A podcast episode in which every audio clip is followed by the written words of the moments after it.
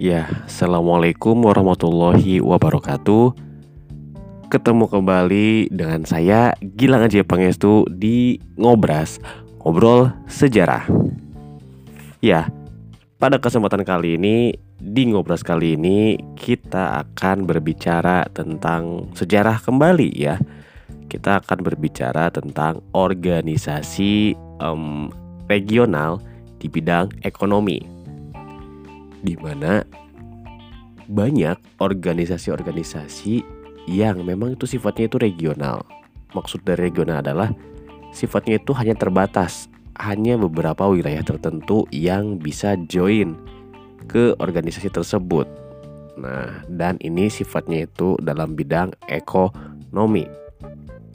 Ada beberapa organisasi di antaranya yang pertama itu ada yang namanya SAA RC.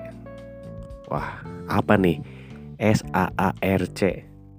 Kalau kepanjangannya yakni South Asian Association for Regional Cooperation atau Asosiasi bagi Kerjasama Regional Asia Selatan.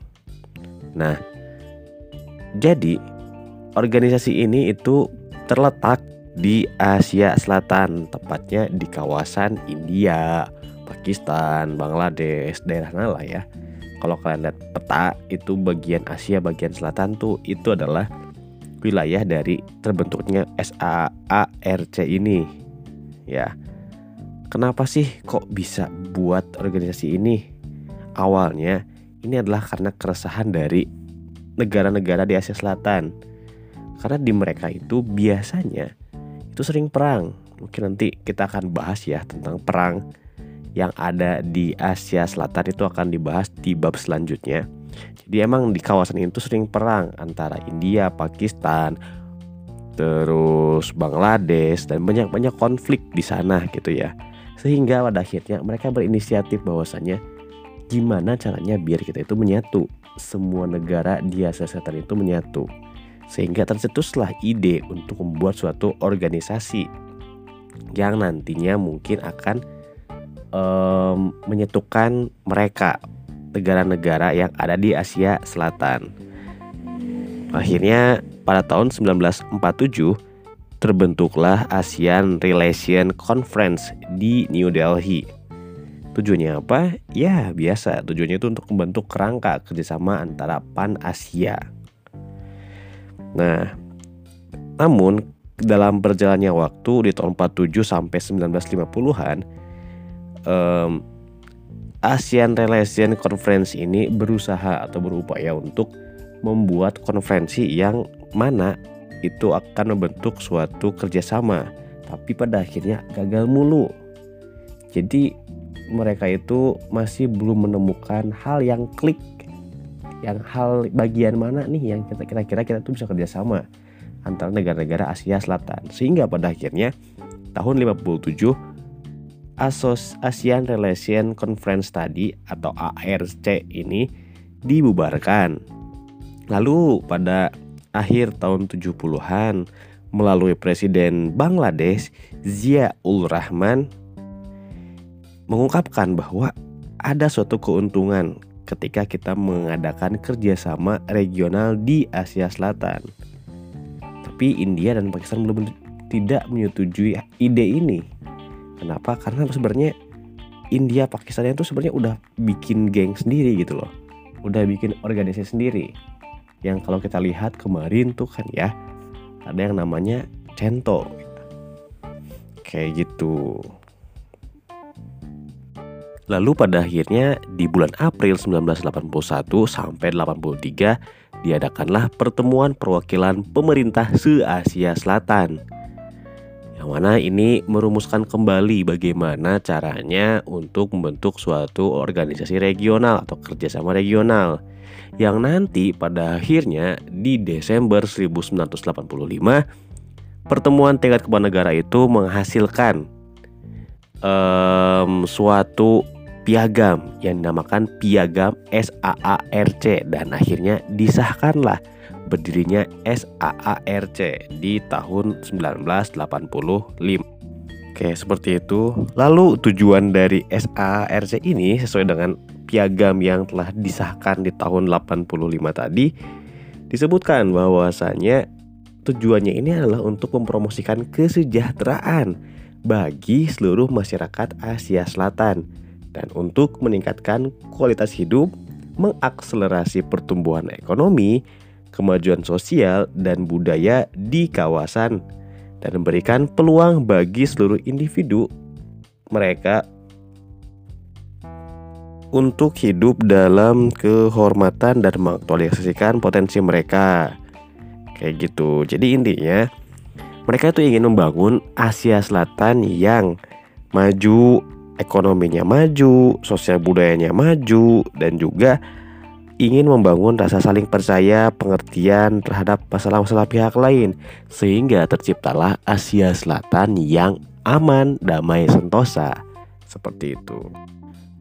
Lalu dalam perkembangannya SARC ini kan tadi ya dibentuk tanggal 8 Desember 1985. Dibentuknya itu oleh Bangladesh, Bhutan, Maladewa, India, Nepal, Pakistan, dan Sri Lanka.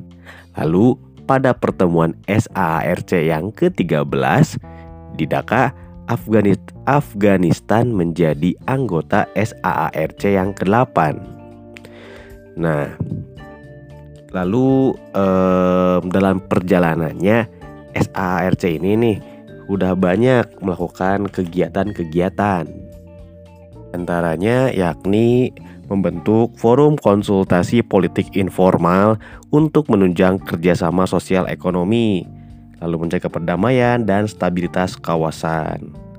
Dan juga SARC ini udah melakukan ber beberapa ya, udah melakukan beberapa um, apa yang namanya itu summit atau uh, seperti rapat lah gitu kan ya, seperti pertemuan seperti itu. Nah, lalu akhir dari um, SARC ini dalam 32 tahun perjalanannya SARC itu belum mampu meraih cita-citanya. Kenapa sih nggak bisa? Kan tadi cita-citanya itu adalah me, apa memajukan itu kan ya, memajukan Asia Selatan dan menciptakan perdamaian. Alasannya adalah adanya hegemoni atau adanya dominasi dari India yang selalu berpengaruh besar dalam SARC. Lalu faktor lainnya juga adanya konflik internal yang melanda Asia Selatan yang pada akhirnya menyebabkan kurang efektifnya SAARC ini. Itu ya, itu tentang SAARC. Lanjut ke organisasi selanjutnya yakni ada MEE e. atau kalau dalam bahasa Inggris itu disebutnya European Economic Community atau EEC. Ya. Organisasi ini merupakan organisasi kerjasama di bidang ekonomi.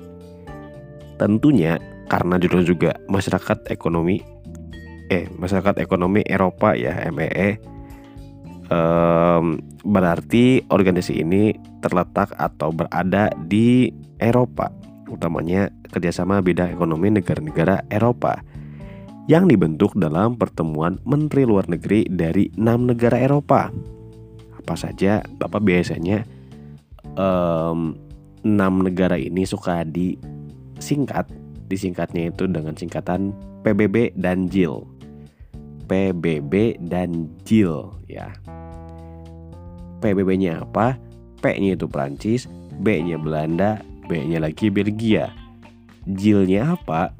J-nya itu Jerman I-nya itu Italia dan L-nya Luxembourg ya itu si um, apa tadi teh si ME ini itu disahkan atau dibentuk atau di ya disahkan ya di Italia di Roma tanggal 25 Maret 1957.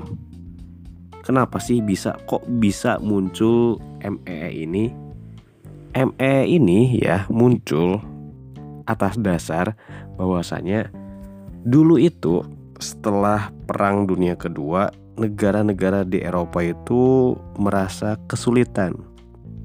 Kalian pasti tahu kan ya, kalian kan sudah belajar nih tentang Perang Dunia Pertama dan Kedua. Perang Dunia Kedua itu adalah perang yang sangat hebat yang pada akhirnya itu dimenangkan oleh pihak um, Amerika dan kroni-kroninya. Pihak Jerman, Rusia dan lain-lain itu eh pihak Jerman ya, pihak Jerman itu kalah. Kayak gitu. Nah, Perang Dunia Kedua memberikan dampak atau efek kepada negara-negara utamanya itu di Eropa, yakni adalah keruntuhan di bidang ekonomi. Udah makan ya. E, mereka itu ada yang kalah perang, jajahannya hilang kayak gitu, harus membangun lagi negara dari nol sehingga pada akhirnya tercetuslah ide untuk membentuk suatu um, organisasi di Eropa. Akhirnya dibentuklah yang namanya pasaran bersama batubara dan baja Eropa atau dalam bahasa Inggris European Coal and Steel Community atau disingkat ECSC oleh enam negara tadi ya Prancis, Belanda, Belgia, Jerman, Italia, dan Luxembourg. Nah, um, hal tersebut ditandatangani di Perjanjian Paris pada April 1951. Berhasilnya membentuk ECSC tadi ya mendorong negara-negara tadi yang enam tadi itu membentuk lagi pasar bersama yang tidak hanya sebatas batu bara saja, tapi lebih mencakup ke segi ekonomi. Pada akhirnya ketika ada pertemuan di Messina tanggal 1 Juni 1955 itu menunjuk seorang dari Belgia atau menteri luar negeri dari Belgia yang namanya Paul Henry Spark. Dia sebagai ketua komite yang harus menyusun laporan tentang kemungkinan-kemungkinan apa sih ini ya yang bisa dilaksanakan atau diadakan di Eropa dalam bidang ekonomi. Pada akhirnya muncullah ya usulan untuk membentuk European Europe, European Economic Community atau masyarakat ekonomi Eropa. Kayak gitu. Selain itu juga ada usulan untuk membentuk um, European Atomic Energy Community juga kayak gitu kan. Jadi ada usulan ada MEE e dan juga Badan Tenaga Atom Eropa. Nah, usulan yang pertama tadi itu akhirnya disahkan, disetujui oleh enam negara tadi. Yang pada akhirnya tadi ya didirikanlah MEE e tanggal 25 Maret 1957 di Roma. Dan yang usulan kedua juga disahkan ya. Nanti dan berlaku mulai awal Januari 1958 tadi ya sebenarnya kalau bicara MEE e, tujuan awalnya ya memang mereka itu pengen membentuk kerjasama ekonomi antar negara-negara di Eropa yang tujuan akhirnya adalah meningkatkan taraf hidup masyarakat Eropa dan juga mewujudkan integrasi negara-negara di Eropa agar menjadi negara-negara yang aman, makmur, dan bersatu. Kayak gitu. Intinya sih lebih ke menyejahterakan ekonomi dan ya tadi ya persatuan kayak gitu. Khususnya itu di Eropa. Lalu berkait dengan um, keanggotaan tadi ya 6, 6 negara tadi itu adalah anggota dari MEE setelah itu ketika ada konferensi di Brussel tanggal 22 Januari tahun 72 Inggris, Irlandia, dan Denmark join ke MEE dan di tahun 81 Yunani juga masuk menjadi anggota MEE. E. Kemudian disusul Spanyol dan Portugal.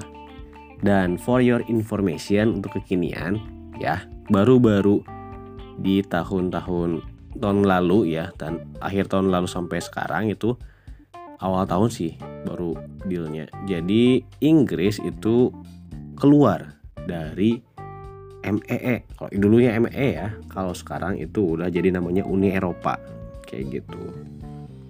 Nah, ini nih tadi ya, Bapak udah nyinggung tentang adanya perubahan dulunya MEE e jadi Uni Eropa. Kenapa sih kok bisa berubah antara MEE jadi Uni Eropa? Jadi, ya, dulu itu kan kalau ME itu berbicara tentang masyarakat ekonomi Eropa. Jelas, ini hanya sebatas persetujuan atau perundingan tentang ekonomi saja. Tapi negara-negara tersebut yang menjadi anggota itu pengen lebih dari ekonomi aja. Udah aja sekalian semua bidang, semua kebijakan itu diputuskan di masyarakat ekonomi Eropa. Makanya udah aja kita rubah yang tadinya ME menjadi Uni Eropa yang nanti ditandatangani perjanjian Maastricht oleh Inggris, Jerman, Prancis, Belanda, Belgia, Luxembourg, Italia, Irlandia, Denmark, Portugal, Spanyol, dan Yunani. Itu ya intinya negara anggota MEE tadi pada 7 Februari 1990 dengan dirubahnya MEE menjadi Uni Eropa pada akhirnya memberikan dampak terhadap peningkatan jangkauan kerjasama yang awalnya cuma kerjasama di bidang ekonomi sekarang berubah menjadi kerjasama di bidang politik luar negeri juga kayak gitu. Selanjutnya yakni ada organisasi APEC atau yang disingkat dari Asia Pacific Economic Cooperation. Nah, kalau dari um, singkatannya itu disebutkan bahwa ada Asia Pasifik. Jadi ini tentang perjanjian ekonomi di wilayah Asia Pasifik. Di mana sih Asia Pasifik itu? Nah, untuk Asia Pasifik itu adalah wilayah yang mencakup pesisir di pantai Asia Timur, Asia Tenggara, dan Australasia di dekat Laut Pasifik. Tambah juga negara-negara di Laut Pasifik atau yang kita kenal dengan Oceania. Jadi pokoknya nih ya, uh, samu uh, ya ada Samudra Pasifik kan ya. Kalian tahu Samudra Pasifik? Nah, itu negara-negara yang dekat dengan Samudra Pasifik itu disebutnya Asia Pasifik. Ya, kayak gitu. Lanjut. Um, APEC ini merupakan organisasi kerjasama kan tadi ya di bidang ekonomi. Um, nah untuk kenapa sih bisa muncul APEC. Jadi ada dua faktor ya. Faktor yang pertama adanya kekhawatiran akan gagalnya perundingan putaran Uruguay. Perundingan ini nih, yang putaran Uruguay ini adalah perundingan di organisasi GATT yang nanti mungkin akan kita bahas ya di episode selanjutnya. Nah, adanya kekhawatiran nih akan gagalnya perundingan putaran Uruguay yang dapat berakibat meningkatnya proteksionisme dan munculnya kelompok-kelompok perdagangan seperti pasar di Eropa dan pasar bebas di Amerika. Jadi, ditakutkan bahwasanya nanti negara-negara itu terjadinya proteksi atau e, private gitu kan ya. Gak mau berdagang kayak gitu sehingga akhirnya ya dibentuklah APEC. Terus yang kedua adalah adanya perubahan besar di bidang politik dan ekonomi yang sedang terjadi dan berlangsung di Uni Soviet dan Eropa Timur. Kayak gitu. Sehingga itulah latar belakang kenapa didirikannya APEC. Yang mana tahun 1980 sebelum APEC muncul nih ya, muncul duluan Pacific Economic Cooperation Council atau disingkat PECC. Organisasi ini lahir di Canberra, Australia, yang menciptakan kelompok kerja untuk mengidentifikasi nih kepentingan ekonomi di regional, utamanya perdagangan, SDM, teknologi, energi, dan telekomunikasi. Nah, untuk PSCC ini, ini masih sebenarnya masih informal ya. Tapi ya, walaupun informal-informal juga, mereka udah ngajakin ya para pejabat pemerintah. Supaya apa? Supaya ya diakui kayak gitu organisasi ininya kayak gitu. Bukan hanya organisasi yang dibentuk oleh kelompok kerja. Kan namanya kelompok kerja itu kan masih bukan pemerintah gitu kan ya. Nah pada akhirnya dari hasil kegiatan PECC itu terbentuklah kesepakatan untuk membentuk suatu organisasi yang resmi. Dan organisasi resmi itu adalah APEC atau tadi ya Asia Pacific Economic Cooperation yang didirikan bulan November 1989 di Canberra, Australia dengan anggota sebanyak 12 negara yakni Australia, Brunei, Kanada, Indonesia, Jepang, Korea Selatan, Malaysia, Selandia Baru, Filipina, Singapura, Thailand, dan Amerika Serikat.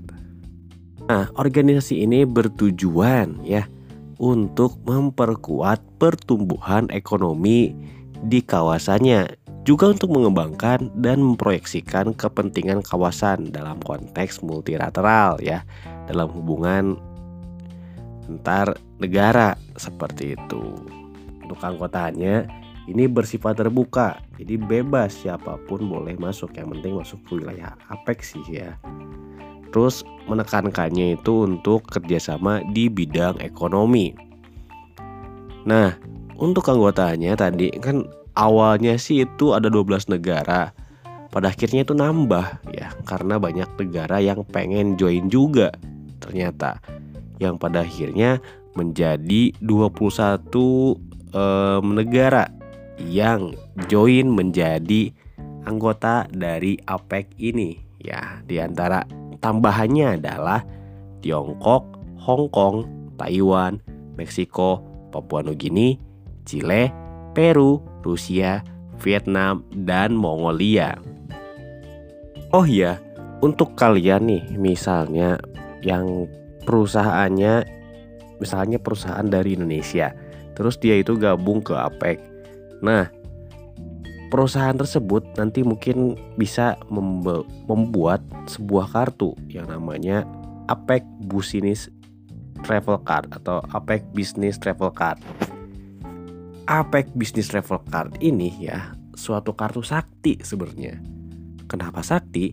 Karena kalau punya kartu ini kalian itu bisa melakukan perjalanan ke luar negeri khususnya sih uh, jadi nggak bisa emang bisa keluar negeri tapi maksudnya nggak semua negara hanya negara-negara yang tergabung dalam APEC itu ketika kalian masuk ke sana itu bebas visa jadi nggak perlu lagi bikin visa kan kalau misalnya mau keluar negeri kan harus bikin visa kan ya.